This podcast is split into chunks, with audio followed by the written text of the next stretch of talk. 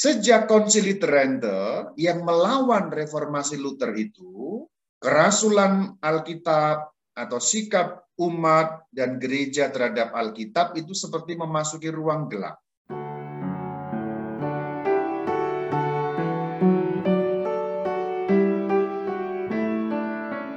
Kita awali dengan mengingat satu hal, yaitu kitab Historia Ecclesiastica pada kitab yang ketiga, pasal ke-25 ayat yang pertama.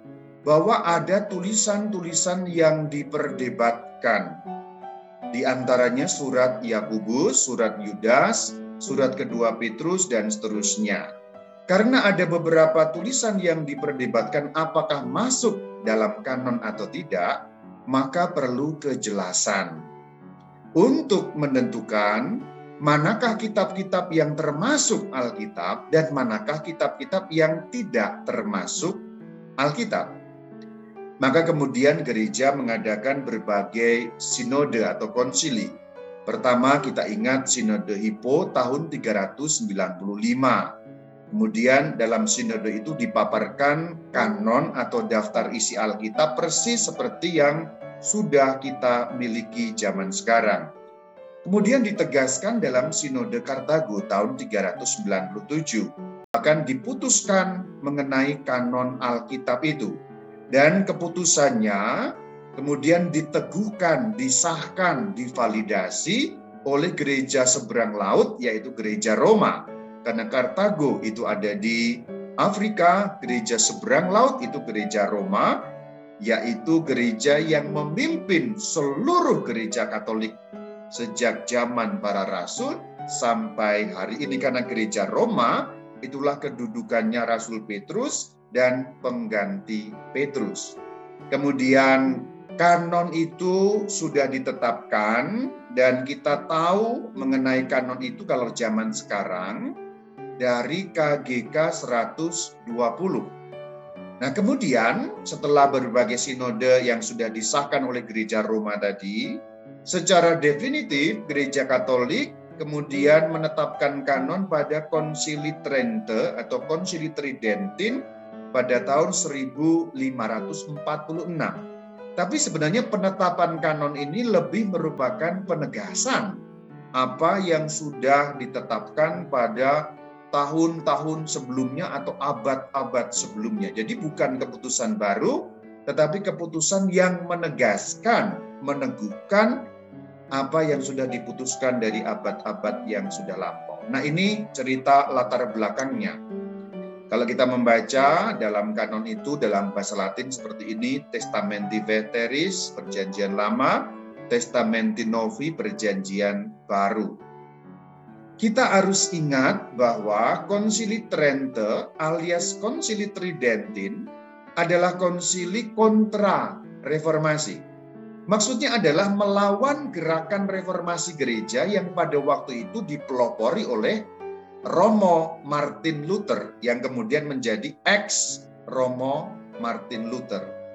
Nah, kita akan lihat bagaimana ternyata kontra reformasi dan reformasi itu sendiri yang tadi dipelopori oleh Martin Luther membawa satu dampak mengenai sikap gereja Katolik dan sikap orang-orang Katolik terhadap Alkitab itu sendiri. Jadi pengaruhnya besar sekali. Dan pengaruh yang besar tadi tidak selalu positif. Ada juga beberapa pengaruh negatif yang muncul dalam gereja terkait dengan sikap umat, sikap hierarki terhadap Alkitab. Apa yang berpengaruh? Reformasi dan kontra reformasi. Jadi gerakan reformasi itu membawa pengaruh, kontra reformasi itu sendiri juga membawa pengaruh. Jadi ada beberapa pengaruh. Maka saya memberi judul jauh dekat Alkitab. Di satu masa, kadang-kadang Alkitab terasa jauh sekali. Di masa yang lain kemudian mulai mendekat. Nah, itu yang nanti kita dapat menjawab beberapa pertanyaan mengapa pada zaman tertentu seakan-akan orang Katolik jauh dari Alkitab. Apakah gereja Katolik pernah e, melarang umatnya membaca Alkitab? Apakah pernah ini dan itu sebagaimana dimitoskan atau dituduhkan? Sejak konsili Trente yang melawan reformasi Luther itu, kerasulan Alkitab atau sikap umat dan gereja terhadap Alkitab itu seperti memasuki ruang gelap. Karena Alkitab menjadi seakan-akan jauh dari umat Allah, tetapi sebenarnya itu bukan tanpa sebab. Nanti saya akan tunjukkan beberapa konteks historis sehingga Alkitab menjadi seperti jauh dari umat itu ada sebabnya. Sebabnya apa? Sebabnya adalah gerakan reformasi. Dari reformasi gereja yang dipelopori oleh Martin Luther. Martin Luther dengan beberapa ajarannya itu justru memecah belah gereja. Maksud hati Luther ingin memurnikan gereja, tapi ternyata gerakan Luther justru memecah belah menjadi berbagai macam aliran-aliran yang pecah-pecah pecah-pecah itu. Jadi berbagai aliran itu mengklaim bahwa mereka masing-masing punya kebenarannya sendiri. Karena apa? Karena menurut Martin Luther, setiap orang itu dinaungi oleh Roh Kudus.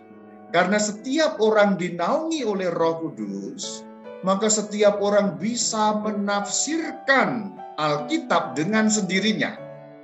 Magisterium gereja ditolak dalam arti kita untuk membaca Alkitab tidak perlu bertanya kepada magisterium gereja. Pokoknya kamu tinggal baca, nanti Roh Kudus menerangi hatimu, voila, bingo, cilukba, muncul artinya dalam hatimu. Akibatnya, satu orang dengan orang yang lain ternyata mengartikan ayat-ayat Alkitab berbeda satu dengan yang lain. Nah, itulah yang memunculkan berbagai aliran yang semuanya hebatnya adalah mengklaim saya dinaungi Roh Kudus. Saya juga dinaungi Roh Kudus. Hahaha, saya juga dinaungi Roh Kudus. Saya juga dinaungi Roh Kudus. Semua mengklaim dinaungi Roh Kudus, semua mengklaim kebenarannya sendiri meskipun berbeda-beda ajarannya. Alkitabnya sama, klaimnya berbeda-beda, semua dinaungi Roh Kudus. Jadi sebenarnya pada saat Luther mencetuskan reformasi, dia seperti membuka kotak Pandora. Sebelum reformasi yang dilakukan oleh Luther, ketika seorang Katolik membaca Alkitab, dia harus bertanya kepada magisterium apa arti ayat Alkitab ini. Sehingga apa? Seorang Katolik ketika membaca Alkitab perlu dituntun oleh magisterium dalam arti apa? Dalam arti dia harus bertanya, apa arti ayat ini? Apa arti ayat itu? Ketika Luther menolak magisterium gereja, dia meletakkan penafsiran yang sebelumnya berada di tangan gereja, dia pindah ke tangan orang per orang. Nah itu yang terjadi sebenarnya. Maka si A bisa menafsirkan Alkitab sendiri, si B bisa menafsirkan Alkitab sendiri, si C bisa menafsirkan Alkitab sendiri. Jadi sebenarnya Luther menolak magisterium gereja Katolik, tetapi seperti membuat magisterium baru, yaitu orang per orang. Coba bayangkan, sebenarnya ini fatal sekali. Luther menolak magisterium gereja Katolik, tetapi sesungguhnya dia membuat magisteriumnya sendiri, yaitu orang per orang. Maka makna Alkitab tidak lagi ditentukan oleh gereja, tetapi ditentukan oleh setiap orang masing-masing yang bisa punya potensi berbeda-beda. Jadi bahasa gampangnya, sebelum Martin Luther, magisterium itu satu, yaitu gereja Katolik. Tapi setelah Martin Luther, semua orang menjadi magisterium. Berarti ukurannya siapa? Ukurannya orang per orang. Jadi kalau kita menilai secara filosofis di sini, sebenarnya terjadi kekacauan berpikir dalam hal ini. Dulunya magisterium satu, yaitu gereja, tapi kemudian dihapus oleh Martin Luther, tidak diakui, tetapi kemudian setiap orang dibuat menjadi magisterium. maka Bayu bisa berbeda dengan Kevin. Karena Bayu magisterium, Kevin juga magisterium. Dewi Untari Magisterium, Ronggo Asmoro Magisterium, Suprapto Magisterium, Laurencia Evi Magisterium, siapa pun orangnya, asal dia seorang Kristen dan membaca Alkitab, dia Magisterium yang baru. Jadi secara filosofis terjadi kekacauan kategori. Dan itulah yang menjadi landasan bagi kelompok-kelompok baru alias ajaran-ajaran baru itu Aneh sekali bukan? Aneh sekali. Jadi magisterium gereja tidak diakui dihapus, tapi setiap orang dibuat menjadi magisteriumnya sendiri-sendiri. Ini kan sebenarnya hanya memindahkan kan. Luther memindahkan tempat saja. Anda sekarang menjadi magisterium. Itu saja yang dibilang oleh Luther. Ini aneh sekali. Dan sesungguhnya Alkitab sendiri tidak pernah mengajarkan seperti ini. Kalau kita membaca surat Petrus, di sana dikatakan ayat-ayat Alkitab tidak boleh ditafsirkan dengan sesuka hati. Itu surat Petrus. Jadi Alkitab sendiri melarang penafsiran setiap orang secara bebas menurut dirinya sendiri. Jadi sebenarnya dalam bagian itu Martin Luther melanggar Alkitab. Dan yang dilanggar adalah satu poin penting sebagai pijakan dia Bahasa gampangnya pondasinya dia sudah salah.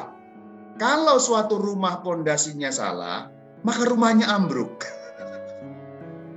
Tentu di sini sebenarnya saya tidak sedang mengolok-olok ajaran Luther bahwa sekarang orang Protestan meyakini itu sebagai kebenaran. Silahkan, silahkan. Saya menghormati orang Protestan. Tapi ketika bicara mengenai Luther, dia kan seorang Katolik, maka saya bisa membicarakan Luther sebagai Katolik.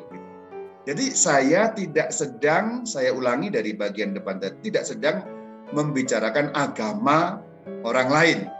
Karena siapa tahu nanti ada yang nonton rekaman ini kemudian itu Romo Katolik kok menjelek-jelekan agama lain. Oh tidak, Luther seorang Katolik. Tapi dalam hal ini saya katakan apa yang diajarkan Luther sesungguhnya bertentangan dengan Alkitab itu sendiri. thank you